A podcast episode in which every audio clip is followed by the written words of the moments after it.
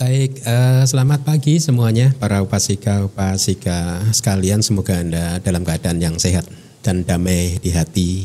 Ya. Hari ini tanggal 10 Desember adalah kelas terakhir di semester ini. Ya, tidak terasa DBS sudah berusia 4 semester. Ya, 4 semester ya. Hmm. Hah? 4 atau 4? 4 semester ya tidak terasa ya dan kita bergerak terus. Karena kita bergerak terus selalu ada aktivitas makanya waktu berjalan dengan sangat cepat sekali. Dan yang membuat saya berbesar hati adalah bahwa ternyata banyak yang masih mempunyai minat yang cukup besar untuk belajar kitab suci kita ya seperti yang kita ketahui kita adalah Buddhist Studies, Center for Buddhist Studies. Jadi ya pusat untuk belajar kitab suci. Pusat atau center untuk belajar ajaran-ajaran Buddha seperti yang terekam di dalam kitab-kitab uh, komentar dan tentu saja kitab sucinya. Nah, uh, apa seperti yang sudah saya sampaikan berulang-ulang bahwa satu kehidupan ini sangat singkat. Oleh karena itu kita harus bisa memanfaatkan kehidupan ini dengan baik untuk berkembang, berkembang. Ya, berkembang apanya? Berkembang hatinya, bukan berkembang tubuhnya. Ya, hatinya berkembang. Ya, efeknya kalau hatinya besar ya tubuhnya besar sih. Jadi orang yang gemuk itu hatinya besar mungkin. Uh, berkembang parami-paraminya. Saya sering memberi perumpamaan parami ini ibaratnya otot-otot bisep. Otot apa lagi sih? Tricep, otot apa lagi gitu ya. Uh, perut, katakanlah bahu, ya ada 10 otot di dalam batin kita yang harus kita latih dengan terus masuk ke gym. Pusat apa eh, kebugaran supaya otot-otot tadi besar ya. Supaya otot-otot tadi menjadi kuat. Ada 10 otot yang harus kita kembangkan. 10 otot tersebut adalah tidak lain dan tidak bukan adalah 10 parami. Otot dana kebiasaan berdana kita harus kita perkuat otot sila ya parami sila parami kebiasaan kita untuk melatih mengamalkan moralitas harus kita perkuat. Dan juga parami-parami yang lain seperti nekama panya wirya kemudian apa? Kanti kemudian uh, saca adidana meta dan upk 10 otot-otot ini harus kita latih. Memang inilah hal yang paling penting penting untuk kita lakukan di dalam kehidupan ini. Jadi kita harus bisa mempunyai menetapkan skala prioritas kita ya bahwa ada hal-hal yang memang harus kita kembangkan, kita latih dan itu harus dilatih. Ini yang menarik dari Buddhism. Buddhism Anda tidak bisa menggantungkan nasib Anda kepada langit, ya untuk turun memberikan hujan, memberikan berkah kepada Anda tiba-tiba Anda menjadi orang yang baik, nggak bisa. Gak bisa. Itu perumpamannya sama. Anda ingin mempunyai perut six pack tapi Anda nggak pernah sit up, nggak pernah berlatih, tapi hanya berdoa saja supaya nanti diturunkan perut six pack. Nggak bisa. Harus dilatih. Harus demikian juga dengan latihan-latihan Buddhis para midana sila bawana dan lain harus dilatih. Nah eh, hal-hal seperti ini yang 20 tahun yang lalu membuat saya sangat tertarik dengan Buddhism karena cukup rasional, cukup masuk akal dan masuk masuk di akal saya bahwa saya ternyata harus bertanggung jawab terhadap kehidupan saya sendiri.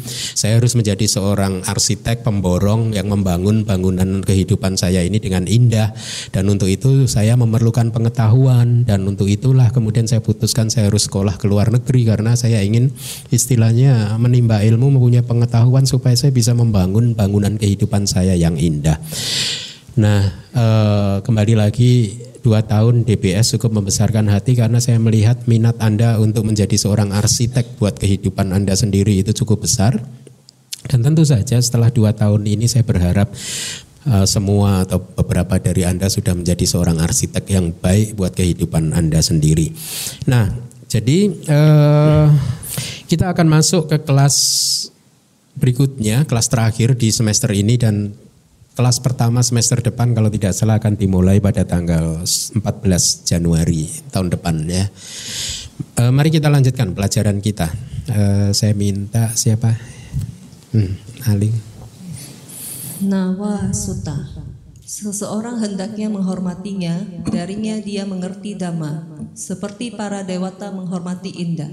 Dihormati seseorang yang mempunyai banyak ilmu, bahu suta, dengan senang hati, di, di, senang hati dengan dia mengungkap dhamma. Setelah menyimak dan memahami maknanya, orang bijaksana melatihnya sesuai dengan dhamma. Dia yang penuh perhatian bergaul dengan guru seperti ini menjadi terpelajar, winyu, bijak, wibawi, dan terampil nipuna.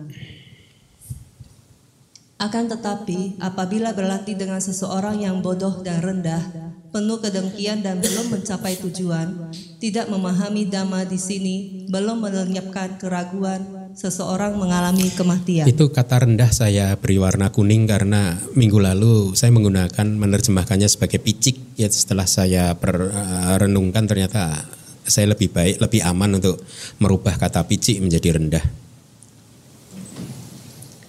Seperti halnya dengan seorang laki-laki yang telah turun ke sungai, aliran airnya besar dengan arus yang deras, dia terseret mengikuti arus, bagaimana dia bisa menolong orang lain untuk menyeberang. Demikianlah, tanpa memahami dhamma, tanpa mencermati maknanya dari mereka yang mempunyai banyak ilmu, tidak mengetahuinya sendiri, belum melenyapkan keraguan, bagaimana bisa dia menolong orang lain untuk mengalaminya, Nijapetum. Namun, seperti halnya seorang yang menaiki perahu yang kokoh, dilengkapi dengan dayung dan kemudi, seorang yang pandai, cakap, dan memahami cara memakainya, mampu membawa banyak orang lain menyeberang di sana. Demikian juga seorang yang telah mencapai pengetahuan tertinggi, Wedagu, terlapih dengan baik, Bawi Tata, banyak pengetahuan bahu suta dan memiliki sifat yang tidak mudah terganggu aweda dama. Dia mampu menolong orang lain yang memiliki telinga yang siap mendengar sebagai kondisi penopang yang sangat kuat untuk mengalami dan memahaminya.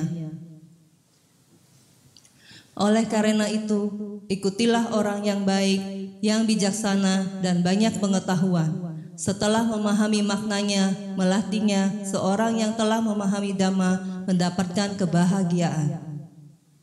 Nawa Sutta yang kedelapan selesai. Terima kasih. Uh, seperti yang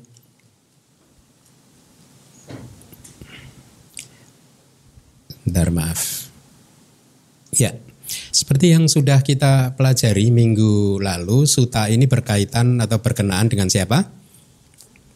Dua murid utama Buddha kan, dua murid kepala Buddha yaitu yang kemudian menjadi yang mulia Sariputta dan yang mulia Maha Mogalana. Jadi minggu lalu sudah disampaikan uh, latar belakang dari kenapa suta ini dibabarkan. Jadi saya ulang sedikit sebelum kemunculan Buddha Gotama ini menarik sekali. Saya harap Anda benar-benar mengembangkan sada kenapa ada seseorang yang terlahir seperti Upatisa terlahir di eh, rahim seorang ibu yang baik, kemudian mempunyai ayah yang baik, kemudian ada juga seorang yang bernama Kolita yang juga lahir dari seorang ibu yang baik dan juga mempunyai ayah yang baik tidak hanya baik secara moralitas tetapi juga baik secara duniawi mempunyai kekayaan yang besar. Mereka ke, ke, ayah dari kedua beliau ini adalah uh, Gama Samino. Mungkin semacam uh, kepala desa begitu ya di masing-masing desa. Upatisa lahir di mana? Di desa apa namanya? Mudah diingat. Upatisa Gama atau desa Upati Sa, kemudian Kolita lahirnya di desa mana? Kolita Gama atau desa Kolita. Ya jadi mudah untuk diingat. Tapi harap jangan ditiru mentang-mentang Anda tinggalnya di Taman Palem. Nanti kalau punya anak anak Anda beri anaknya yang pertama namanya Taman Palem gitu jangan ya. Nanti ah, kasihan anaknya nanti malu dia nggak pede atau anda yang tinggal di pantai Indah Kapuk begitu anak lahir diberi nama Pik. Jangan jangan ya. Nah, uh, yang menarik adalah bahwa sebelum lahir sebagai manusia di kehidupan yang terakhir sebagai Upatisa dan Kolita itu mereka berdua sudah memenuhi parami yang ini sekalian mau saya ralat minggu lalu saya salah menerjemahkan uh, kurang awas saja. Saya sebutkan hanya 100 ribu kapak ya. Seharusnya mereka berdua sudah melengkapi menyempurnakan parami sepanjang satu asangkea dan 100 ribu kap Pak ya. Ini adalah syarat yang dibutuhkan untuk menjadi seorang murid uh, kepala gitu. Uh, satu asangkea itu lama sekali. Kita tidak bisa mengkonversinya dengan angka sekarang gitu. Saya untuk mempermudah biasanya saya hanya mengatakan bisa jadi itu miliaran tahun, jutaan miliaran atau bahkan triliunan tahun. Ya. Uh, untuk jangka waktu yang lama mereka sudah melatih otot-ototnya ya otot bicep dan lain sebagainya tadi ya. Nah kita juga harus itu melatih otot-otot kita. Kenapa kita masih terlahir di uh, samsara ini tidak bertemu dengan Buddha lagi? Hmm? nasib kita ini patut dikasihani kan? Kita miss berapa kali Buddha? 28 Buddha miss terus loh ya nggak sih? Nanti jangan-jangan Buddha ya kita miss lagi. Udah nasib lah kita nggak ketemu lagi kita. Udah begitu sekarang udah jadi umat Buddha nggak mau belajar Tripitaka lagi. Hmm? nggak mau mencari guru lagi nggak mau berjuang untuk mengakhiri istilahnya apa mengakhiri penderitaan keluar dari samsara lagi. Udah jadi nasib kita ini sungguh patut dikasihani gitu. Ya nah kembali lagi Dua murid kepala tadi kemudian lahir di uh, desa tersebut yang kalau Anda masih ingat tidak jauh atau letaknya tidak jauh dari Raja Gaha kan. Dan masing-masing mempunyai banyak teman, tentu ini karena para media ya mempunyai banyak teman, mempunyai banyak pengikut sampai suatu hari mereka berdua hadir di festival tahunan ya mungkin itu seperti pasar malam tetapi lebih kepada banyak pertunjukan di sana penari, penyanyi dan lain sebagainya. Mereka pada saat uh, menghadiri acara tersebut Upatisa berpikir bahwa 100 tahun dari sekarang mereka yang ada di sini ini sudah harus meninggal dunia. Pemikiran seperti itu membuka cakrawala pandang dia, kebijaksanaan dia, di, karena dia pun juga menyadari berarti 100 tahun lagi dia juga tidak haru, uh, haru, uh, harus meninggalkan kehidupan yang saat ini. Ya. Nah singkat cerita setelah acara selesai, uh, Upatisa bertanya dengan Kolita apa kesan yang dia dapat pada saat menyaksikan festival tersebut, keramaian tersebut. Kolita menjawab hal yang sama kan ya. Bahkan kemudian Kolita mengajak Upatisa untuk mencari keadaan yang amata, yang uh, uh, deathless, tiada kematian. Satu keadaan di mana sudah tidak ada kematian lagi. Ini hanyalah nama lain dari nibbana ya. Singkat cerita mereka sepakat atas ajakan Kolita Upatisa sepakat dan mereka kemudian melepaskan semua kekayaannya dan mencari guru. Siapa guru pertama yang mereka dekati? Sanjaya ya. Jadi kalau Anda hadir di kelas bersama Bikuni yang beberapa waktu yang lalu Bikuni menjelaskan di masa Buddha Gotama itu ada enam guru spiritual yang dianggap enam guru sektarian gitu. Uh, salah satunya adalah Sanjaya. Sanjaya adalah guru spiritual yang cukup terkenal ya, seperti lima yang lain. Dan singkat cerita, mereka berdua nah kembali lagi ini karena parami. Kenapa ada orang yang bisa berpikir seperti mereka tetapi ada juga yang tidak bisa berpikir seperti mereka. Berpikir yang bagaimana? Upatisa dan Kolita mencermati ajarannya. Ini awalnya kelihatan. Awal dari ajaran ini kelihatan. Tengahnya juga kelihatan. Tetapi akhirnya kok nggak kelihatan. Titik akhirnya di mana? Ini tidak kelihatan. Ya. Sangat cerita seperti ini juga sering terjadi di zaman modern. Kenapa ada orang yang bisa memutuskan sesuatu yang orang lain tidak bisa memutuskan dalam hal spiritual ya? E, kenapa ada orang yang berpikir bahwa setelah mendapat guru yang satu kemudian tidak cocok berani meninggalkan guru yang lama untuk mencari guru yang kedua? Kenapa sebaliknya ada orang yang setelah mendapat satu guru meskipun dia tidak cocok, dia tidak berani memutuskan untuk meninggalkan guru tersebut dan lebih mau berbakti kepada guru yang lama tersebut. Ya, bah, bahkan pada saat dia sendiri pun tahu bahwa ada kesempatan yang lebih masuk akal untuk mengembangkan dirinya dengan yang lebih baik lagi, tetap saja dia tidak berani meninggalkan kenyamanannya.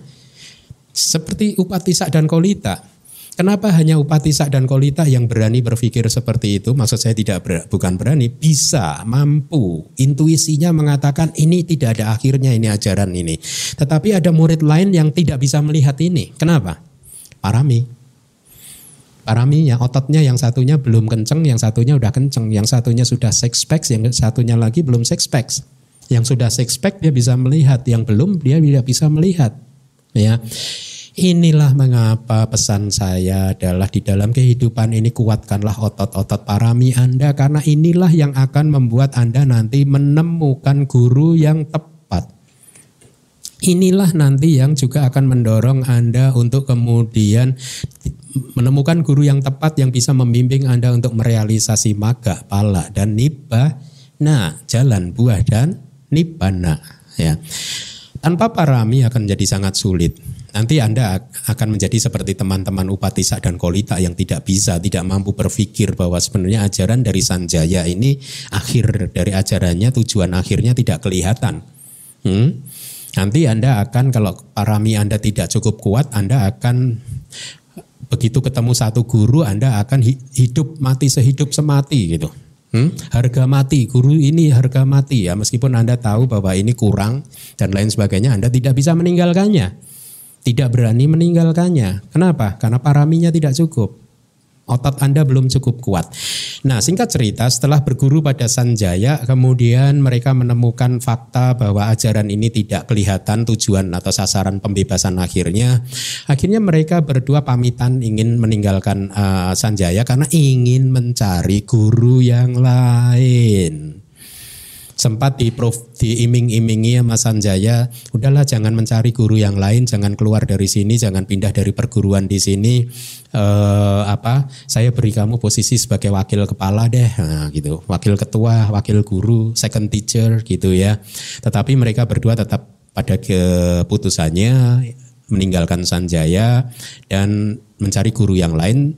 Kemudian Upatisa dan Kolita sepakat berpisah di tengah jalan masing-masing mencari amata, mencari guru yang bisa menunjukkan nibana. Jadi mereka berpisah jalan saling mencari guru di arah yang berbeda, tetapi mereka ada kesepakatan. Nanti apabila mereka sudah ketemu, maka siapa yang menemukannya pertama kali, dia yang harus mempunyai kewajiban untuk memberitahu temannya yang satunya lagi gitu. Nah singkat cerita Upatisa yang bertemu pertama kali. Upatisa di tengah jalan melihat yang mulia Asaji.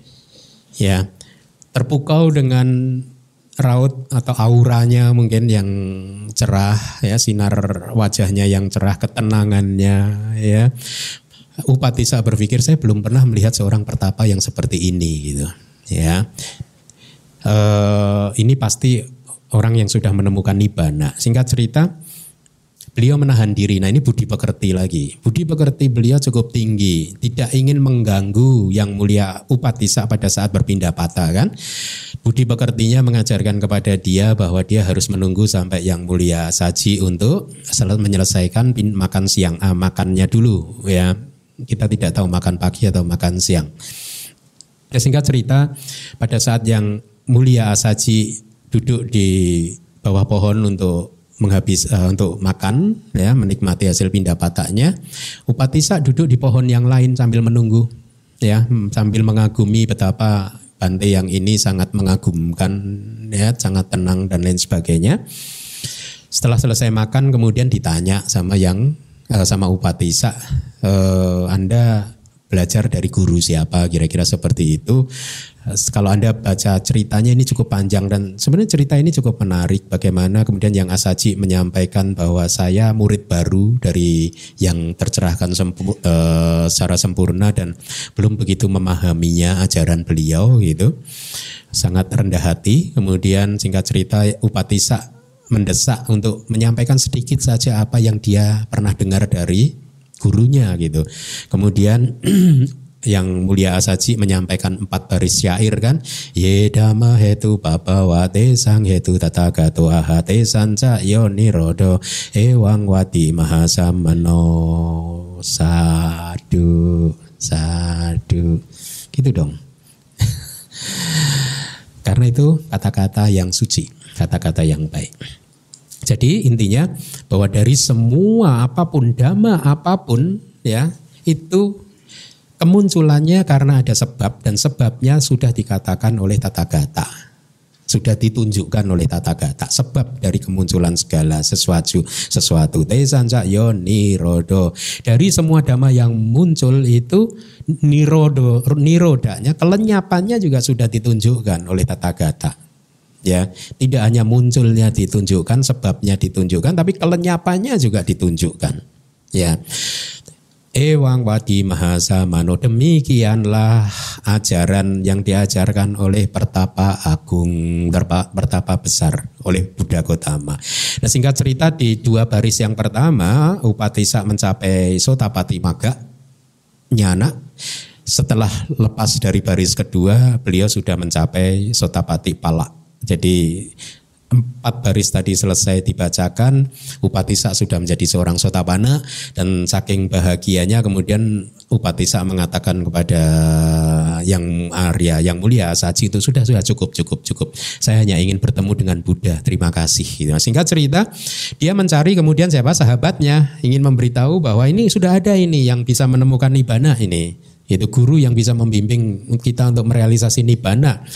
Dan uh, Kolita saking bersemangatnya langsung mengajak ayo kita temuin Buddha. Tetapi apa yang pelajaran apa yang kita petik dari kelas minggu lalu? Betapa Upatisa adalah seseorang yang menghormati gurunya. Tapi menghormati dengan cara yang cukup rasional.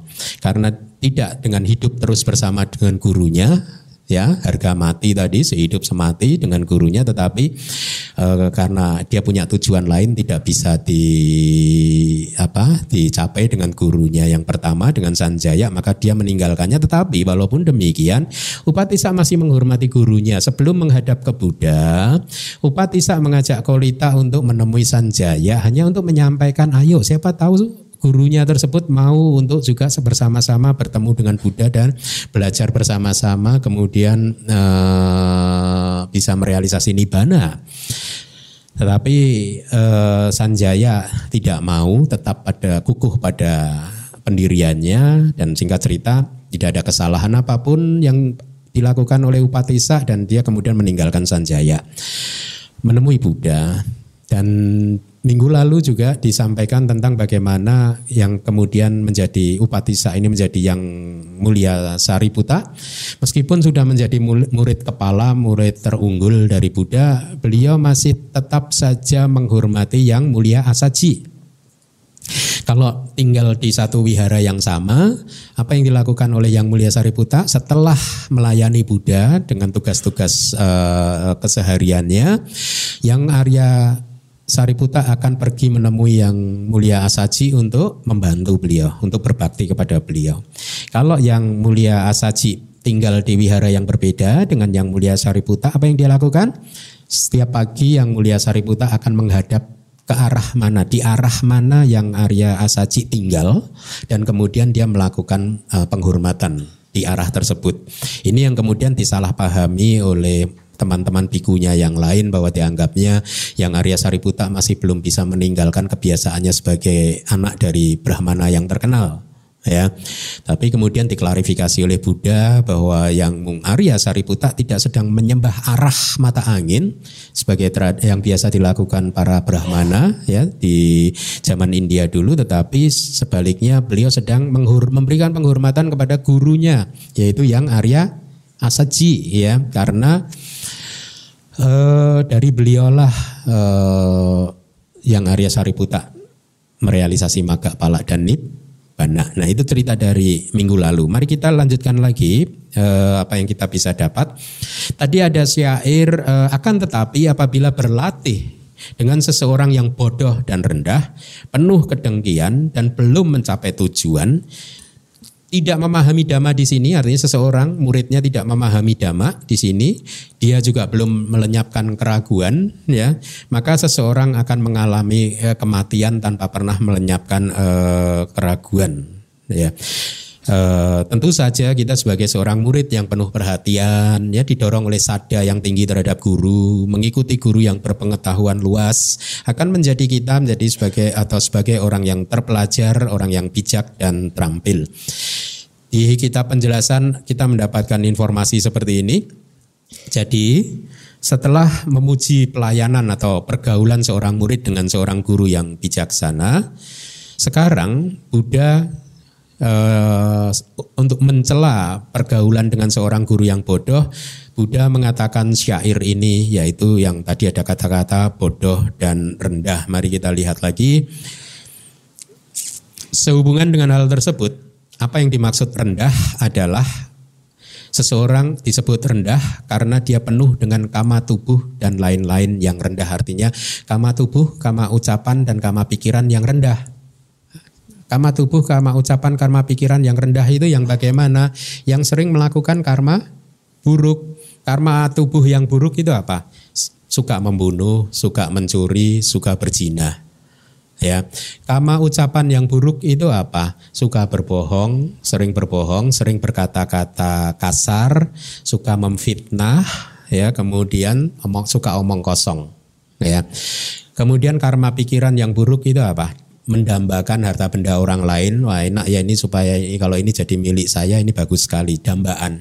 Ya menginginkan harta benda orang lain untuk menjadi uh, harta kita. Hanya dengan berpikir seperti aja itu aja itu udah pikiran yang buruk loh. Hmm. kemudian pikiran karma buruk pikiran yang kedua adalah niat jahat. Niat hanya niat saja berniat bermaksud ingin temannya uh, teman yang lain celaka semoga dia celaka. Hanya di dalam pikiran saja, maka ini sudah karma buruk lewat pikiran. Dan yang ketiga adalah pandangan salah. Ya, pandangan salah, pandangan yang tidak mengerti hubungan sebab dan akibat hukum karma. Ya, kalau saya menderita berarti Anda yang menyebabkan. Nah, ini pandangan salah ya. Nah, jadi itu yang dimaksud sebagai seseorang yang rendah. Nah, kalau seseorang yang bodoh yang bagaimana? Yang tidak mempunyai kebijaksanaan, kebijaksanaan yang seperti apa? Kebijaksanaan ilmu yang ada di pariyati tidak punya.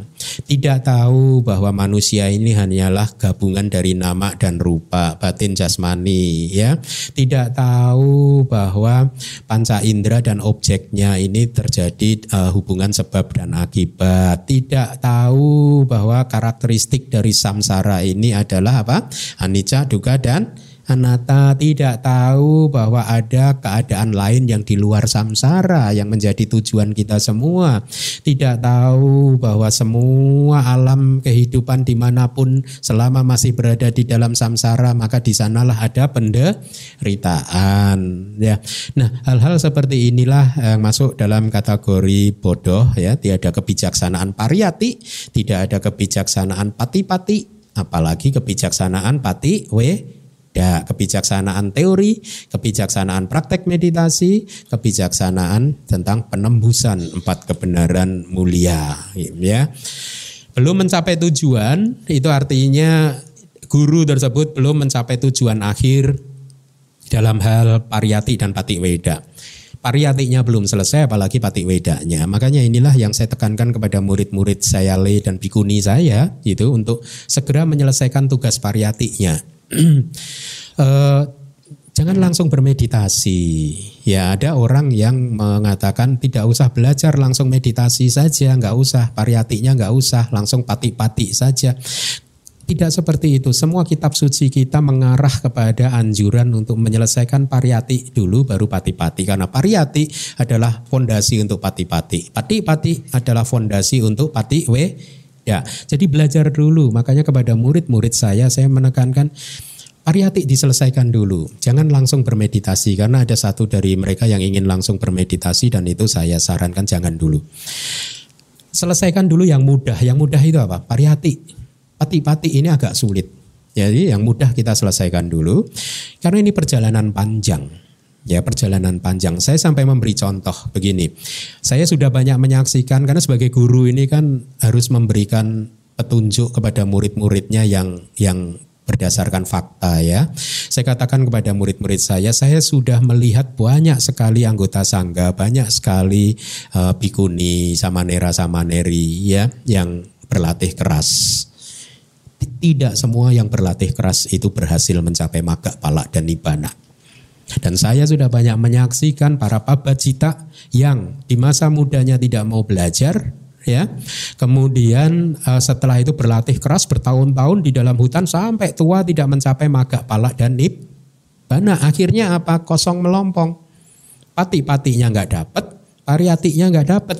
Nah saya katakan kepada Sayali dan Bikuni, selesaikan dulu pariati selama 3, 4, 5 tahun, setelah itu kamu berlatih seumur hidup. Ya, kalaupun nanti di satu kehidupan ini selesai tanpa pernah mencapai maga, pala dan nibana, paling tidak tugas pariyati sudah selesai, kita lanjutkan lagi perjalanan di dalam samsara ini di kehidupan yang ke depan, ya. Dan dan apa? Ini yang lebih uh, masuk akal. Bahkan kemarin waktu saya bertemu dengan Sayali beberapa hari yang lalu, minggu lalu saya sampaikan kamu harus belajar gitu. Kalau nggak nggak belajar nanti kan akhirnya kan kamu nanti pulang ke Indonesia karena kamu nggak punya ilmu ya akhirnya saya tempatkan di dapur aja lah. Yang nggak punya ilmu kan nggak bisa bantu saya. Jadi di dapur masak bareng sama umat gitu. Habis itu saya akan panggil umat-umat atau saya le yang lain, saya bisikin, heh tuh lihat tuh, kalau jadi saya le tapi nggak pernah mau belajar tuh akhirnya di dapur aja itu sambil ketawa-ketawa. nah kembali lagi jadi pariyati itu penting sekali. Ya, Anda lihat selama beberapa kali suta yang sudah kita pelajari kita bertemu dengan pentingnya pariyati kan. Apa sih pariyati? Anda yang belum tahu pariyati itu belajar Tripitaka. Tipitaka. Pariyati ti ini pitaka nih ini definisi dari kitab kita, kitab komentar. Yang disebut pariyati adalah tini pitakani, ti pitaka. Itu ya. Nah, eh, jadi belum mencapai tujuan artinya guru yang belum mencapai tujuan dalam hal pariyati dan juga pati weda. Mari kita lanjutkan. Guru tersebut penuh dengan kedengkian. Kenapa? Tidak tahan melihat kemajuan muridnya karena sifat dengkinya. Lucu ya. Guru melihat muridnya berkembang malah nggak suka. ya kadang punya murid kalau terlalu pinter juga repot juga gurunya gitu. Nah repotnya itu begini loh, kalau saya bilang murid saya saya Ali sama Bikuni itu kan saya sering menasehati mereka, kalian bertiga itu hidupnya jauh lebih enak loh daripada saya. Saya itu dulu menemukan jalan itu mencari, cari sendiri, meraba-raba sendiri, tidak ada orang lain yang menunjukkan, mengarahkan kepada saya harus ke sini, harus ke sana loh, nggak ada loh. Di dalam perjalanan kehidupan saya kali ini itu saya boleh dikatakan mencari guru berdasarkan buku dan Lonely Planet dan internet. tidak ada orang yang menunjukkan kepada saya. Nah, kalian para sayale dan bikuni ini kan saya tunjukkan. Kalian ke sana ke sana. Belajar selama tiga tahun S1 empat tahun di Sri Lanka S1 dan setelah itu begini begini begini. Anda kalian tidak perlu mencari-cari seperti saya. Saya dulu menghabiskan beberapa tahun hanya untuk mencari-cari sampai akhirnya ketemu. Nah proses perjuangan itu kan tidak dihalami oleh sayale gitu. Ya. Kemudian saya dulu ya karena saya ini kan mensupport kehidupan saya sendiri. Sewaktu sekolah saya tidak punya laptop. Saya melihat teman kuliah saya punya laptop itu ada keinginan karena isi ini pasti bisa mendukung kuliah saya, tapi saya tidak bisa. Bukan tidak bisa karena ya gimana? Kalau mereka mempunyai supporter, mempunyai dayaka, saya tidak punya dayaka waktu itu. Hi hi hi enggak. nggak punya daya akal loh saya. Jadi mereka pada pakai laptop saya enggak. Nah sekarang murid-murid saya semua pakai laptop karena ada daya kadayika. Apa jawaban murid yang terlalu pintar tadi? Bante, kan semua makhluk itu kan mewarisi karmanya. Aduh. Inilah repotnya kalau punya murid terlalu pinter gitu ya. Baik, jadi lihat ada aja guru yang dengki kalau melihat muridnya itu maju gitu. Ya. Uh, jadi kita sudah tahu ya makna bodoh dan rendah itu sudah sangat jelas. Guru yang rendah itu artinya guru yang memiliki kualitas rendah ya.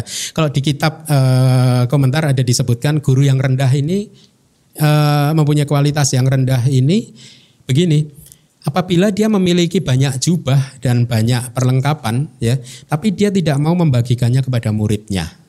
Ya. Apalagi itu dama-dana, jubah aja dia nggak mau. Itu apalagi berdana dama, mengajarkan dama kepada murid-muridnya. Ada sesuatu yang diumpetin nama dia, digenggam di tangannya supaya muridnya nggak tahu. Dia nggak ingin muridnya lebih pandai dari uh, dirinya sendiri. Kan salah kan ya. Saya kebalikannya loh. Kalau melihat murid saya ini nggak pandai malah saya stres loh. Kalau melihat muridnya pandai ya saya seneng. Seneng karena meringankan tugas juga kan. Ya. Nah, eh, dia tidak mau berdama dana mengajarkan dhamma kepada muridnya bahkan hanya mengatakan bahwa segala sesuatu anicca duka dan anatta pun dia tidak mau. Ini dari kitab komentar. Hanya untuk me, me, me, apa menunjukkan betapa guru yang seperti ini mempunyai sifat kedengkian tidak ingin melihat muridnya uh, maju ya. Nah ini yang menarik dari kitab komentar. Apabila Anda mengikuti, melayani dan berlatih dengan guru yang bodoh dan rendah seperti itu, yang belum mencapai tujuan akhirnya dan penuh kedang, kedengkian seperti itu, maka Anda sendiri akan menjadi bodoh juga. Betul tidak sih? Hmm? Karena Anda berguru pada guru yang bodoh, ya Anda akhirnya jadi bodoh. Nggak mungkin jadi pinter kan? Ya, kalau gurunya kapasitasnya itu katakanlah hanya 60%, ya maksimal Anda juga hanya 60%.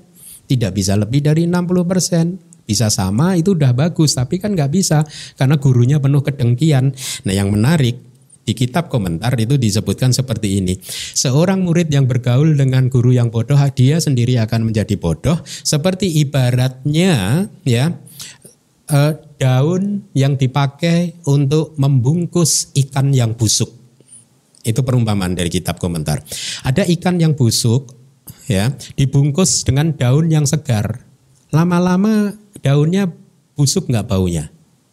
Berbau busuk juga. Itu jadi orang yang bodoh, eh, guru yang bodoh seperti ikan busuk dan seseorang yang berkumpul dengan orang yang bodoh seperti itu, seperti daun yang dipakai untuk membungkus ikan busuk tadi. Ya, ikannya busuk, daunnya ikut busuk, gurunya busuk, muridnya juga ikut busuk kira-kira seperti itu. Kelihatannya bahasanya keras tetapi ini ada di kitab komentar ya.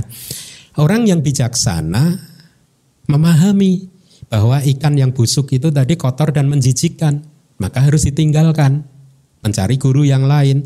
Tetapi orang yang tidak bijaksana tidak memahami bahwa ikan yang busuk itu adalah busuk dan menjijikan, tidak sadar, tidak mau meninggalkannya, bahkan hidup terus bersama dengan ikan yang busuk tadi. Sehingga akhirnya lama-kelamaan dirinya pun berbau busuk. Masuk akal enggak sih? Masuk akal. Ya oleh karena itu hati-hatilah. Kehidupan ini terlalu berharga untuk kita korbankan dengan hanya bergaul dengan orang-orang yang bodoh. Anda harus waspada dengan siapa Anda bergaul. Apabila bergaul dengan orang yang suka saling tembak, maka hati-hati suatu hari Anda akan kena tembak. Begitu itu kira-kira kata-kata yang saya ucapkan minggu lalu terhadap seseorang yang menyampaikan kepada saya tentang sesuatu uh, teman-temannya yang suka memfitnah. Gitu. Ya saya katakan, ya kalau kamu hidup kita hidup di daerah, di lingkungan dikelilingi oleh orang-orang yang berkapasitas rendah, suka memfitnah, teman-teman kita adalah orang-orang yang seperti itu, ya pasti suatu hari nanti ya hanya tinggal tunggu waktu saja, kita pasti akan kena tembak, kena fitnah. Ibaratnya saya beri perumpamaan, kalau kita masuk ke wilayah di mana semua orang suka senang main tembak-tembakan dan kita masuk di daerah situ, maka suatu hari kan kita pasti akan kena ada risiko untuk terkena tembakan. Supaya nggak kena tembakan bagaimana? Kalau kemudian suatu hari kita kena tembakan lalu salah siapa? Salah kita, bukan salah orang yang nembak. Salah kita. Kenapa kita hidup di situ? Betul tidak? Kenapa kita memilih wilayah yang orang-orangnya suka tembak-tembakan? Kalau kita tidak ingin kena tembak-tembakan bagaimana? Keluar dari wilayah situ, cari tempat yang lain. Begitu kira-kira. Dan ini ini sangat nasihat ini sesuai dengan Buddhism. Ya kalau Anda hidup di lingkungan yang salah, Anda akan jadi salah. Kalau Anda hidup di lingkungan yang baik, dikelilingi oleh orang-orang yang bijaksana, maka Anda akan berkembang. Oleh karena itu kembali lagi, waspada. ya e, karena bergaul dengan orang yang bodoh dan rendah itu sebenarnya menyuburkan benih-benih timbunan karma buruk kita. Jadi karma buruk kita akhirnya karena subur berbuah satu per satu. Ada satu satu syair yang saya ambilkan dari kitab yang lain, tetapi karena sangat bagus maka saya akan sampaikan kepada Anda. Jadi di kitab yang lain, di kitab komentar itu ada orang yang bijaksana, sangat bijaksana yang bernama Akiti, A K I T T I, Akiti. Beliau ditawari oleh Raja Saka, ditanya tentang sesuatu yang menjadi dambaannya, menjadi harapannya, menjadi aspirasinya, gitu. Ya, ditanya oleh Raja Saka. Kemudian apa yang dijawab? Jawaban dia adalah seperti ini di layar. Dia menjawab kepada Raja Saka, eh, Saka Raja para dewa, semoga saya tidak pernah melihat, tidak pernah mendengar, tidak pernah hidup bersama, tidak akrab dan bercakap-cakap dengan orang yang bodoh. Semoga saya tidak bertindak seperti orang yang bodoh dan tidak bergembira, tidak senang hati berkumpul dengan orang yang bodoh. Ini kata-kata ini sangat terkenal. Kita di Myanmar sering mengucapkan ini. Dulu guru-guru kita menuntun kita memberikan semacam aspirasi dari kita. Selama saya berada di dalam samsara, semoga sepanjang itu pula saya tidak pernah melihat, mendengar, hidup bersama, akrab dan bercakap-cakap dengan orang yang bodoh. Semoga saya tidak bertindak seperti orang bodoh dan tidak gembira berkumpul dengannya. Anda yuk kita ucapkan bareng-bareng yuk. Sama-sama yuk. Satu, dua, tiga. Selama di dalam samsara,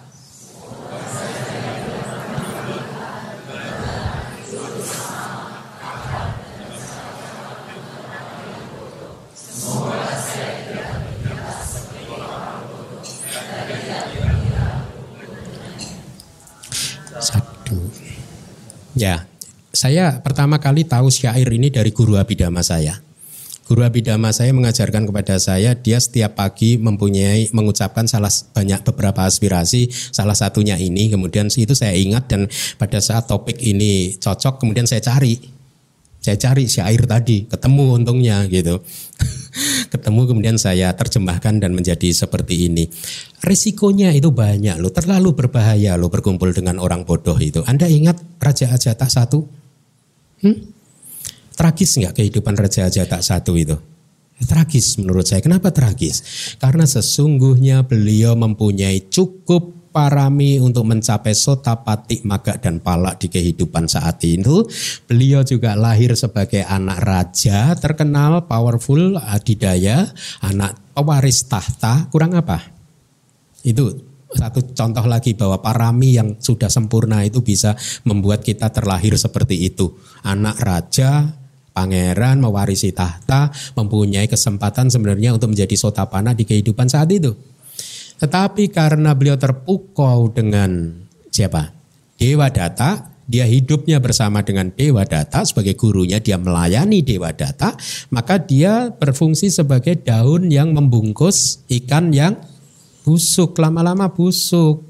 Dia membunuh ayahnya sendiri tragis tidak seandainya saja dia tidak bergaul dengan ikan busuk, dia tidak akan busuk. Hmm.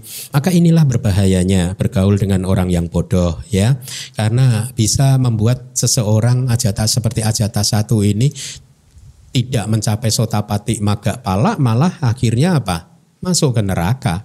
Ya harusnya jadi masuk ke neraka awici, tetapi karena kekuatan mendengarkan damak dari Buddha di Suta samanya pala, akhirnya dia lahir di neraka yang lebih ini lebih apa tidak se, se, se menderita di neraka awici gitu. Nah eh, di kitab yang lain juga ada disebutkan ada 500 keluarga ya karena bergaul dengan eh, eh, 500 keluarga karena mengikuti ajaran sesat dari seseorang yang bernama kakak dari Diga Wida ya maka eh, 500 keluarga ini akhirnya harus hidup di neraka gara-gara mengikuti guru yang bodoh tadi Diga Kakak dari Diga Wida itu dari kitab komentar. Bahkan kakak dari Diga Wida tadi gurunya itu harus hidup di neraka sepanjang empat Buddha bayangkan sampai hari ini. Ya, empat Buddha itu waktu yang sangat panjang loh. Ya, Lama sekali, masih di neraka terus sampai hari ini. Gara-gara hanya orangnya rendah dan bodoh. Makanya hati-hati ya. Uh, terus di suta ini uh, ada kalimat yang saya sangat suka juga dari kitab komentar yang lain ya. Masih berkaitan dengan syair yang tadi Anda baca. Semoga saya tidak pernah melihat, mendengar dan seterusnya. Wahai biku, ini dari Buddha. Seperti halnya api dari rumput atau alang-alang di dalam rumah, itu bisa membakar satu rumah pada akhirnya. Bahkan rumah dengan atap yang kuat pun bisa habis hanya gara-gara api dari rumput atau api dari alang-alang yang ada di dalam rumah. Maka demikianlah bencana bisa muncul atau terjadi diawali oleh orang bodoh. Tidak bijaksana. Bergaul dengan orang bodoh bergaul dengan orang yang tidak bijaksana. Jadi intinya orang bodoh bisa menyebabkan bencana, kesulitan dan penderitaan. Tetapi pemahamannya seperti ini, bukan dia yang menyebabkan seseorang lain menderita, tetapi berkumpul dengan orang bodoh itu ibaratnya sinar matahari, air, pupuk, kelembapan yang menyuburkan benih-benih karma buruk kita sehingga karma buruk kita berbuah. Dia hanya pengkondisi saja yang mengkondisikan karma buruk untuk berbuah. Sebaliknya berkumpul dengan orang bijaksana akan menyuburkan benih karma baik. Nah, itu pemahamannya. Berkumpul dengan orang bijaksana akan membawa berkah keberuntungan. Apa yang kemudian ditanya kan? Apa yang telah orang bodoh lakukan kepada kamu, sebutkan alasannya kasapa. Ditanya, ini namanya ternyata kasapa. Kenapa tidak mengharapkan melihat orang bodoh kasapa? Akiti ini mempunyai nama lain as kasapa. Dia jawabnya seperti ini. Orang yang bebal membawa ketidakberuntungan. Maksudnya bebal itu ya tadi ya eh, definisi rendah tadi ya, sering melakukan karma buruk dan lain sebagainya. Bertindak tidak bertanggung jawab, sulit bersikap yang lebih baik, diajak bicara baik-baik dia marah, dia tidak tahu tata krama, jadi lebih bagus tidak melihat dia. Ini alasannya. Ya, sangat masuk akal kan? Kitab ini ditulis ribuan tahun yang lalu. Jadi lihatlah problem sosial, problem kemasyarakatan, problem kehidupan itu selalu universal kan? Problem yang ada ribuan tahun yang lalu juga muncul juga di kehidupan yang sekarang. Sama kan? Dan solusinya sama karena dhamma ini adalah universal gitu ya. Nah, oleh karena itu tidak memahami dhamma artinya tidak memahami dhamma itu dhamma yang ada di kitab suci atau yang berkaitan dengan penembusan ya dua ya pariyati dan patiweda. Di sini itu artinya di sasana ini di ajaran Buddha ini. Dan tidak memiliki pemahaman sedikit pun dia mengalami kematian tanpa mengatasi keraguannya tentang dhamma. Ini bercerita tentang murid yang berguru pada seorang guru yang bodoh yang tidak memiliki pengetahuan pariyati dan juga tidak memiliki pengetahuan patiweda, gurunya juga belum menembus dhamma, ya akhirnya muridnya pun juga masih mengalami keraguan, tidak ada transformasi batin. Uh, tadi ada syair seperti ini akan tetapi apabila berlatih ini berkaitan dengan syair ini apabila berlatih dengan seorang guru yang bodoh dan rendah penuh kedengkian dan belum mencapai tujuan tidak memahami di sini artinya di sasana ini di ajaran ini tidak memahami ajaran Buddha itu maksudnya ya belum melenyapkan keraguan akhirnya seseorang mengalami kematian tanpa pernah melenyapkan keraguan-raguannya jadi ada catatan tidak memahami dhamma di sini di sasana, apa di sasana ini di ajaran Buddha ini. Artinya tidak memahami dhamma yang ada di kitab suci atau yang berkaitan dengan penembusan ya pariyati dan pati weda jadi akhirnya dia meninggal dengan penuh keraguan-raguan selanjutnya demikian juga tanpa pernah memahami dua dhamma melalui kebijaksanaannya sendiri dan tanpa pernah mencermati makna dari mereka yang mempunyai banyak ilmu artinya tanpa pernah berguru pada guru yang banyak ilmu tidak mendengarkan nasihat dia tidak mencermati nasihat dia ya. Si murid tidak mengetahuinya sendiri karena belum memahaminya sendiri dia belum melenyapkan keraguan karena dia belum pernah mendengarkannya. Lalu bagaimana bisa? Oh ini berkaitan dengan guru ya berarti ya jadi Bagaimana bisa dia menolong orang lain untuk mengalaminya karena dia sendiri pun juga belum mengalaminya? Bagaimana bisa gurunya itu membantu muridnya untuk melihatnya karena dia sendiri belum melihatnya? Jadi itu yang uh, dimaksud. Kemudian Buddha menggunakan perumpamaan yang sangat bagus. Seperti halnya seseorang yang turun ke sungai, aliran airnya itu besar dengan arus yang deras. Dia sendiri terseret mengikuti arus, lalu bagaimana mungkin dia bisa menuntun orang lain ke pantai seberang ya? Orang yang ingin menyeberang bagaimana dia bisa menuntunnya kalau dia sendiri terseret arus ya. Saya ambilkan lagi uh, saya coba google apa uh, temukan coba cari suta lain yang kira-kira bisa mendukung apa yang ada di Nawasuta. Jadi ini dari suta yang berbeda ya.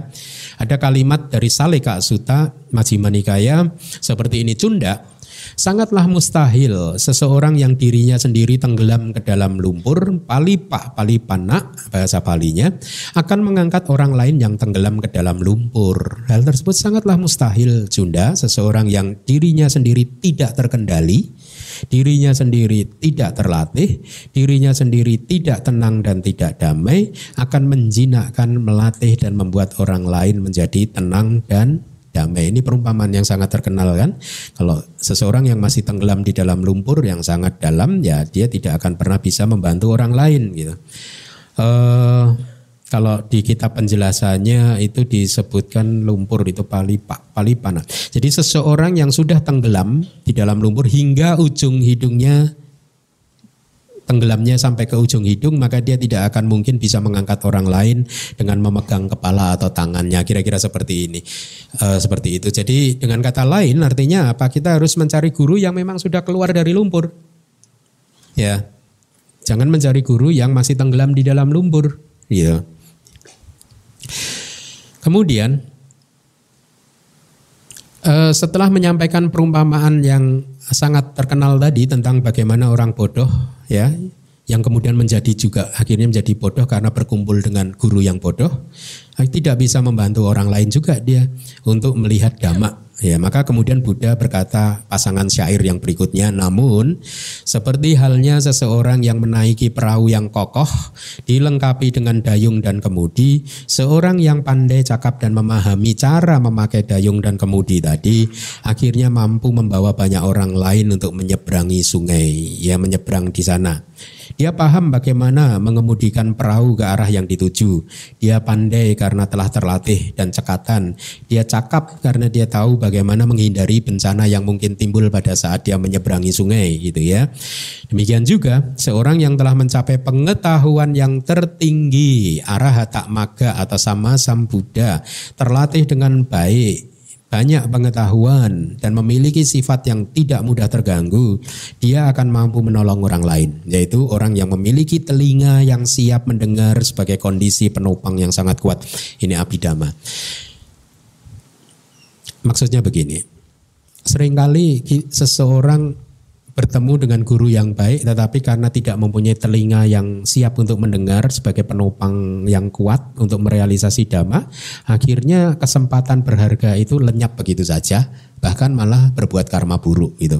Atau dalam saya baru saja teringat kalau Anda cermati sejak Pangeran Siddhartha mencapai penerangan sempurna, itu kan ceritanya beliau kemudian berpikir siapa ah, tadinya pada awalnya kan enggan untuk mengajarkan, tetapi setelah di persuade oleh Brahma Sahampati, kan kemudian beliau berpikir oke okay, saya akan mengajar, tetapi siapa? Yang siap untuk mendengarkan ajaran yang sangat dalam di luar nalar dan, dan lain sebagainya ini. Kemudian sempat terpikir dua guru yang pertama yaitu Alara Kalama dan Udaka Ramaputa kan. Tetapi setelah disurvei, dilihat, dicari ternyata mereka berdua sudah terlahir di alam Brahma yang tidak mempunyai tubuh jasmani. Akhirnya beliau pun menyerah, tidak bisa membantu kan. Uh, tidak bisa apa-apa, akhirnya mencari murid, uh, murid yang lain, siapa yang bisa mendengar dan akhirnya ketemulah Panca Awagia beliau berpikir Pancawagya pasti bisa menerima dhamma ini. Ya. E, karena mereka berlima adalah pertapa, harusnya kebijaksanaannya sudah cukup kuat sehingga dengan sedikit ajaran saja dia pasti akan mampu merealisasi dhamma ini. Nah, Kemudian Buddha melakukan perjalanan kan untuk menuju ke Taman Rusa ya. Ya, untuk menemui Pancawakya, lima pertapa. Kalau Anda cermati sebelum mencapai uh, bertemu dengan lima pertapa, sesungguhnya Pangeran Siddhartha bertemu dengan satu orang. Nama orang tersebut ini adalah Paribajaka kalau tidak salah seorang pertapa pengembara yang bernama Upali. Ya. Jadi upali di tengah jalan itu Buddha fresh from the oven. Iya karena baru saja tercerahkan kan masih seger kan berarti kan. Harusnya kan auranya masih masih cemerlang kan ya. Di tengah jalan bertemu dengan pertapa pengembara yang bernama Upaka tadi kan. Kemudian uh, tiba-tiba uh, singkat cerita Buddha mengatakan ditanya oleh Upaka kamu siapa? Ditanya saya adalah Buddha orang yang tercerahkan sempurna. Tidak ada tandingannya di dunia ini. Ya, dari seluruh manusia, dewa, brahmana, tidak ada yang menandingi. Begitu kira-kira begitu. Sebenarnya maksud Buddha itu bagus. Apa jawaban Upaka? Hah? Oh, begitu ya kira-kira ini ekspresi saya. Hmm, begitu ya. Bagus, bagus, bagus, bagus, bagus. Akhirnya apa? Upaka berlalu loh. Tidak kemudian bernama Skara bersujud, jadikan saya sebagai muridnya tapi malah berlalu hanya hmm, bagus bagus bagus. Nah ini kejadian kejadian ini sangat menarik gitu ya. Bagaimana seseorang seperti Upaka miss the chance. Bertemu dengan guru yang hebat hadap-hadapan, udah dideklar sama Buddha, tetap aja nggak percaya, hanya hmm, hebat hebat hebat. Teruskan nak, teruskan nak. Kira-kira begitu. Lihat, ada manusia-manusia seperti itu, ada manusia-manusia seperti itu yang bahkan berhadapan-hadapan langsung dengan Buddha saja tidak tertrigger untuk padahal dia pertapa. Padahal dia pertapa. Kalau dia bukan pertapa, dia misalkan dokter, insinyur wajar ya. Karena dia punya profesi yang berbeda. Kan dia pertapa bertemu dengan Ewang Wadi Mahasamano, seorang pertapa yang besar, yang hebat. Hmm, berlalu saja loh sudah dinyat, dijelaskan nih saya ini sama Sang Buddha. Oh hebat hebat hebat. Hmm. Jangan-jangan seperti Anda juga nanti keluar ketemu Buddha. Oh hebat hebat hebat. Teruskan. Enggak lah, Buddha nggak ada ya ajarannya aja ya. Buddha sebagai person sudah nggak ada. Nanti hanya Buddha Maitreya. Nah poin yang ingin saya sampaikan adalah bahwa eh, kalau sebenarnya kalau kita baca di kitab komentar tentang insiden Upaka bertemu Buddha itu sebenarnya di kitab komentar menjelaskan seperti ini. Uh, Buddha pada waktu mau menuju ke tempat pertapaan lima pertapa, beliau mengetahui ah, si Upaka ini sedang berjalan juga di tengah jalan dan setelah dilihat dia ini nanti sebenarnya mempunyai kesempatan untuk menjadi arahat. Ya. Nantinya di kehidupan kali itu juga nantinya dia mempunyai kesempatan untuk menjadi arahat. Oleh karena itu tetapi membutuhkan tadi papasan tadi supaya masuk dalam ingatan dia. Ya saat ini belum sadar nggak apa-apa nanti kan sadar. Kira-kira seperti itu. Jadi dengan bertemu ini dia memberikan satu objek yang sangat kuat untuk menopang munculnya pencerahan dia. Kira-kira seperti itu. Memang hari itu dia meninggalkan Buddha tetapi di belakang hari beberapa tahun kemudian beliau mencari Buddha. Itu penjelas. Nah ini pentingnya kitab komentar. Kalau kita tidak membaca kitab komentar, kita tidak tahu alasan kenapa Upaka melakukan hal seperti itu, gitu. Selanjutnya, seseorang yang telah mencapai pengetahuan tertinggi adalah orang yang telah mencapai pengetahuan empat jalan. Ini istilah teknis ya. Jalan sotapati, jalan sakadagami, jalan anagami, jalan arahata. Ya, itu yang dimaksud. Untuk menjadi seorang sotapana, maka dia harus menempuh jalan dan buah sotapati. Untuk menjadi seorang sakadagami, dia harus mencapai jalan dan buah sakada anagami. Untuk menjadi seorang anagami dia harus mencapai jalan dan buah anagami dan demikian pula seorang arahat adalah seorang yang sudah mencapai jalan dan buah arahata. Buat pelajar abidama hal seperti ini tidak sulit, buat non pelajar abidama ya agak sulit. Tetapi tidak apa-apa, pelan-pelan Anda berkenalan dengan istilah-istilah di kitab suci ini ya. Seseorang yang terlatih baik yaitu batin yang telah dikembangkan melalui pengembangan jalan yang sama tadi yang sudah saya sebutkan itu artinya seseorang yang banyak pengetahuan itu artinya dengan metode yang telah dikatakan sebelumnya artinya apa? Banyak pengetahuan dalam konteks pariyati dan banyak pengetahuan dalam atau dalam konteks patiweda gitu ya. Kemudian memiliki sifat yang tidak mudah terganggu artinya memiliki sifat yang tidak goyah oleh delapan loka dhamma atau delapan dhamma dunia hafal nggak anda delapan dhamma dunia loka dhamma tahu nggak di sutanya itu kan kira-kira berbunyinya seperti ini ya delapan loka dhamma ini senantiasa mengikuti dunia senantiasa mengikuti kita gitu. Dan dunia ini berputar dengan delapan loka dhamma. Artinya apa? Selama kita hidup kita tidak bisa terhindar dari delapan loka dhamma ini. Delapan hal ini. Jadi ini adalah harga yang memang harus kita bayar dengan mengambil kelahiran ya. Tidak ada satupun yang bisa menghindari delapan ini. Ini bayarannya. Buddha pun tidak bisa. Apa saja? Labo alabo, laba alaba. Laba dan tidak laba, ngelaba. laba dan tidak laba, untung dan tidak untung atau untung dan rugi. Yaso ayaso, yasa ayasa. Yasa itu apa? E, terkenal ya dan tercemar. Reputasinya baik, reputasi buruk. Kadang kita mempunyai reputasi yang baik, kadang kita dianggap orang mempunyai reputasi yang buruk ya itu memang lokadama ya. Kemudian ninda pasangsa apa? Ninda itu uh, dicela, pasangsa itu dipuji. Kadang kita dicela, kadang kita dipuji. Ya ini harga yang harus kita bayar di dalam samsara ini. Kemudian yang berikutnya adalah suka duka, bahagia dan menderita atau suka dan duka gitu aja. Hmm, kadang kita senang hatinya, kadang kita tidak senang hati kita gitu. Jadi pahamilah bahwa delapan inilah yang senantiasa mengikuti kita. Jadi jangan kaget kalau mereka itu nanti datang pada kita eh, khususnya yang negatif ya, yang dicela dan lain sebagainya, duka, rugi dan lain sebagainya. Pada saat Anda dicela, maka Anda harus merenungkan bersyukur berarti saya manusia yang normal. Karena Buddha mengatakan kita tidak bisa menghindari delapan dhamma dunia ini. Hmm? Jadi menghindari mereka itu percuma karena pasti akan datang. Selanjutnya, tadi ada kata-kata yang memiliki telinga yang siap mendengar sebagai kondisi penopang yang sangat kuat nih pelajaran Dhamma ini. Artinya dilengkapi dengan telinga yang siap mendengar dan dengan kondisi penopang yang uh, sangat kuat untuk kemunculan jalan dan buah. Kalau di Abhidhamma nanti ya kita akan belajar. Ini kan Upanisaya Peceo, Upanisaya Pacaya. Ada tiga aramana Upanisaya. Jadi objek panca indera kita, objek enam pintu, bukan hanya panca indera, itu bisa menjadi pengkondisi yang sangat kuat untuk munculnya sesuatu yang baik di belakang hari. Ya, contoh. Pada saat seseorang di masa kecilnya dari keluarga non Buddhis melihat film Shaolin. Di Shaolin itu kan Shaolinnya kan pakai jubah semua kan, otak juga semua kan, ya dia tidak punya pengetahuan tentang Buddhism.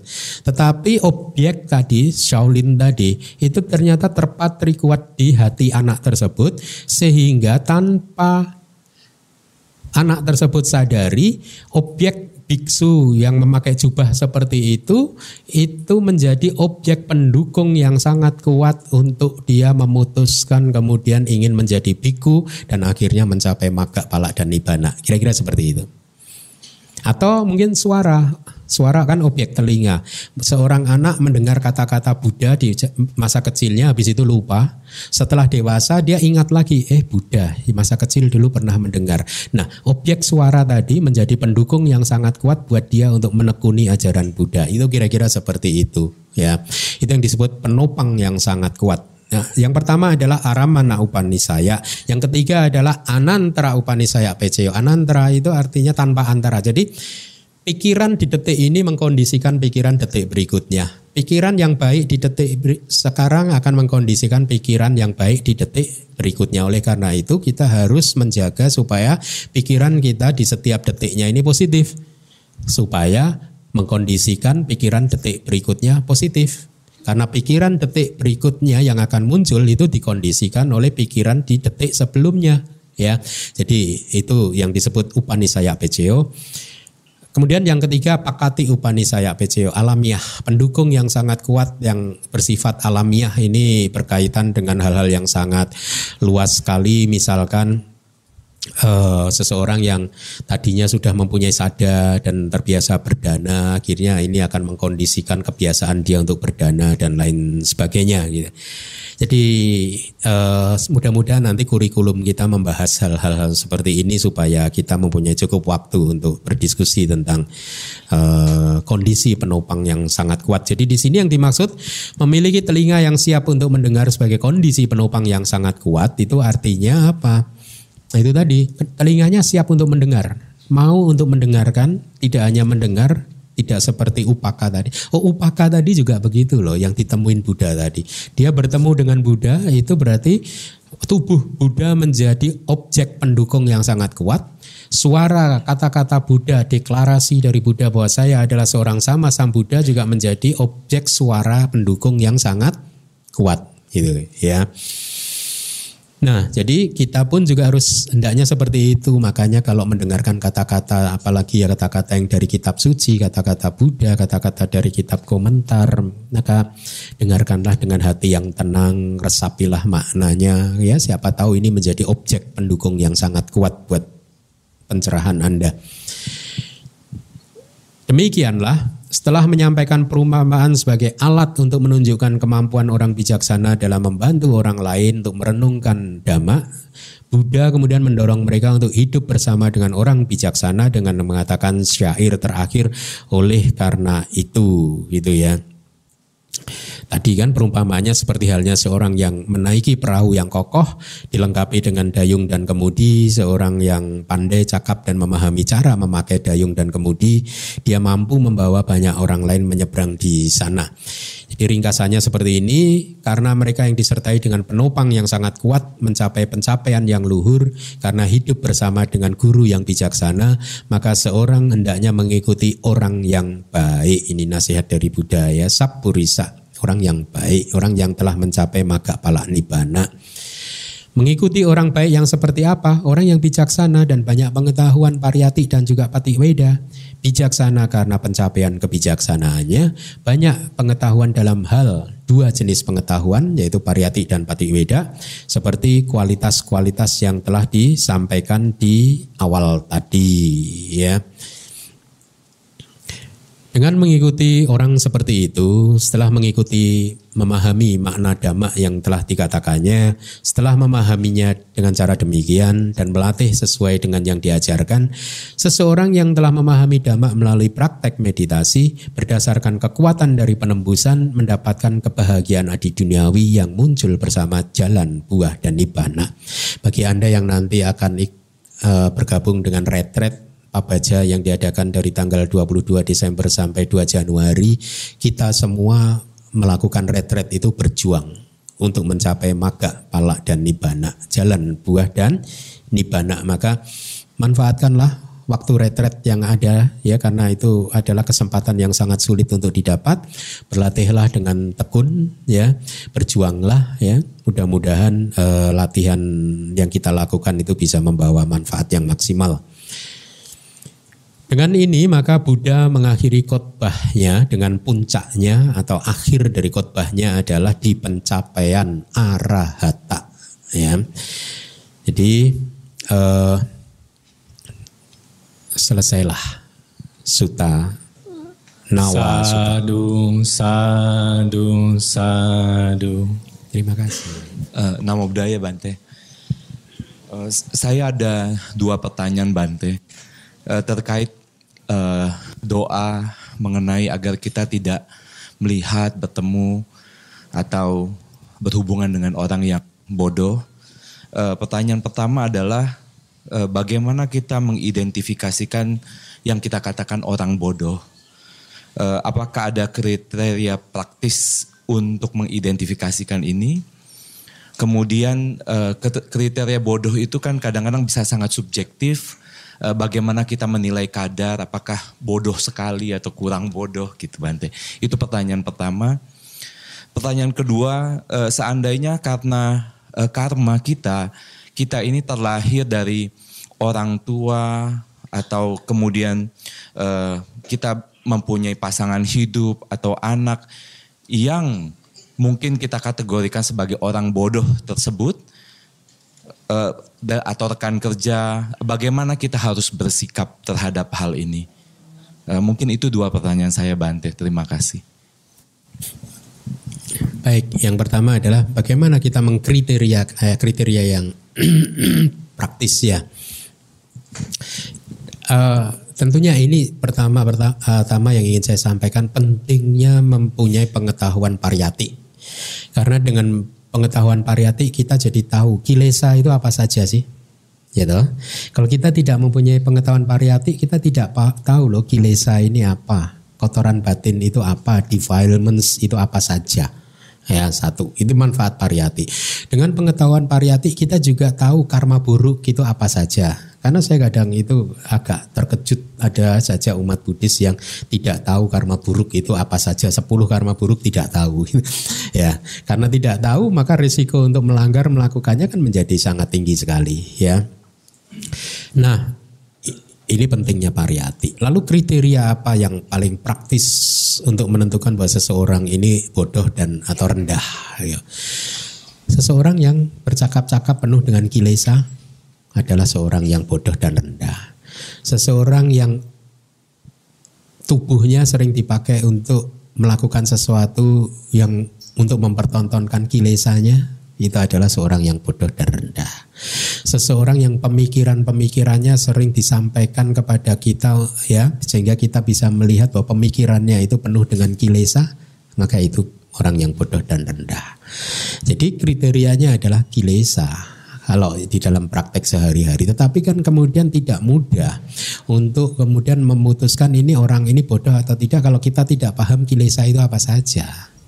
Ya, kilesa itu kan ada sepuluh. Loba, dosa, moha, keserakahan, kebencian dan delusi, kesombongan, ya, pandangan salah, kemudian eh, keraguan-raguan, tina mida, eh, udaca, eh, jadi saya ulangin lagi, loba, dosa, moha, kesombongan, pandangan salah, kemudian eh, mana, titik, eh sorry, loba dosa moha mana titik, kemudian wicikica tina, kemudian udaca, kemudian akhirika dan anutapa. Nah, itu 10 kilesa. Tetapi sebenarnya 10 kilesa itu bisa kemudian dielaborasi dalam variasi-variasinya yang lain. Jadi ini kembali lagi sih pentingnya pengetahuan pariyati karena tanpa pengetahuan pariyati kita tidak bisa membedakan mana kilesa mana tidak gitu ya. Nah, Kalau di dalam pengertian yang paling praktis mungkin Anda bisa melihat seseorang ini masih kasar atau tidak. Ucapannya masih kasar atau tidak. Uh, gerak-geriknya masih kasar atau tidak. Ya kemudian dari cara pembicaraannya dia menjurus ke sesuatu yang bijaksana atau tidak. Nah itu Anda bisa pakai sebagai kriteria itu. Itu yang pertama. Kemudian yang kedua adalah kalau kita bergaul dengan suami istri atau apa yang kemudian atau orang tua atau apa tadi ya yang tidak bijaksana lalu bagaimana nah karena kita sudah hidup bersama dengan mereka ya diajak untuk meningkatkan kebijaksanaannya gitu kita sebagai orang yang lebih berpengetahuan, lebih bijaksana harus menuntun mereka. Karena mereka adalah orang terdekat Anda, orang terdekat kita, orang yang paling mencintai Anda, paling mencintai kita. Dan tentunya kita juga mencintai mereka. Ya makanya sudah menjadi satu kewajiban buat kita untuk uh, menolong mereka. Ya, menolong mereka. Melalui banyak hal gitu. Dan bahkan saya terhadap mama saya juga begitu gitu. Saya sering uh, menelpon beliau dan kemudian berdiskusi dan menyampaikan pikiran-pikiran saya yang baik yang harus kita latih itu kemudian saya sering kali meluruskan pandangan-pandangan beliau gitu ya. Jadi dengan demikian maka kita menjadi orang yang membantu dia untuk paling tidak keluar dalam quote unquote tanda kutip lumpur ya dalam kiasan lumpur gitu ya. Jadi kalau Anda hidup bersama dengan orang yang rendah dan bodoh, ya kita harus berjuang untuk membuat mereka keluar dari jebakan lumpur tersebut kita bantu ya. Ayo kita tiap minggu ke DBS yuk. Nah, mendengarkan pariyati. Karena kadang ada orang yang awalnya tidak suka mendengar ceramah dhamma, tapi Anda ingat anak-anak Tapindika dulu dengan diberi iming-iming kan? Iming-imingnya bagaimana? Kan anak-anak Tapindika tadinya tidak suka bertemu dengan Buddha ya. Diiming-imingin uang loh. Hah? Anda ke sana aja gitu. Lihat Buddha aja kalau kamu ke sana nanti saya beri uang katakanlah 100 ribu begitu kan. Anaknya mau gara-gara uang nggak apa-apa, nggak apa-apa. Jangan pernah uh, kita harus sabar gitu. Anak saya niatnya jelek bantai ke wihara nggak apa-apa. Ntar lama-lama akan baik seperti anak anak tapindika tadi kan.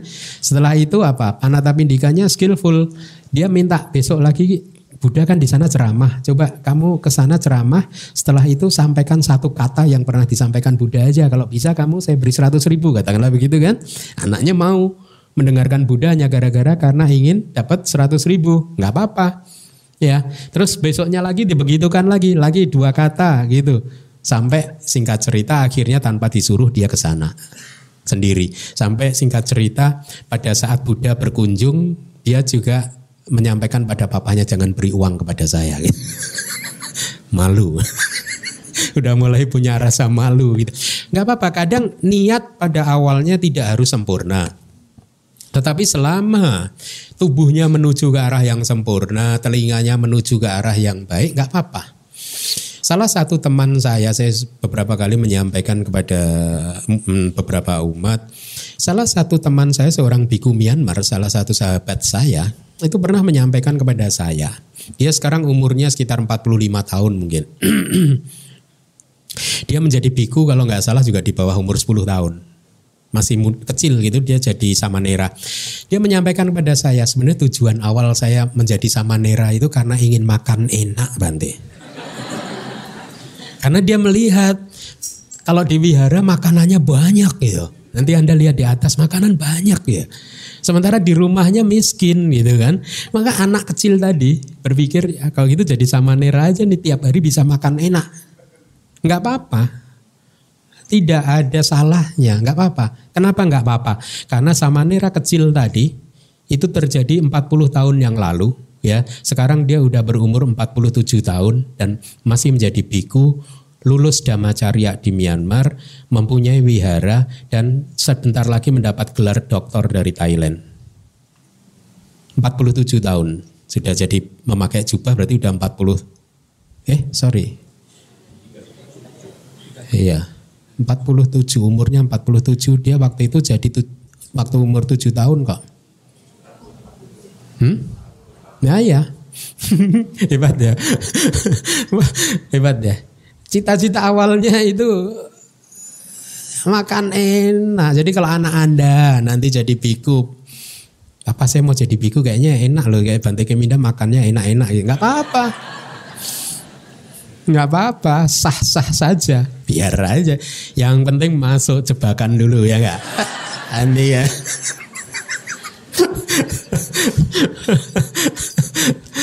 gitu jadi uh, semakin kita membaca kitab suci, semakin kita membaca kitab komentar, maka akan kita sering menemui cerita-cerita yang model-model seperti ini gitu.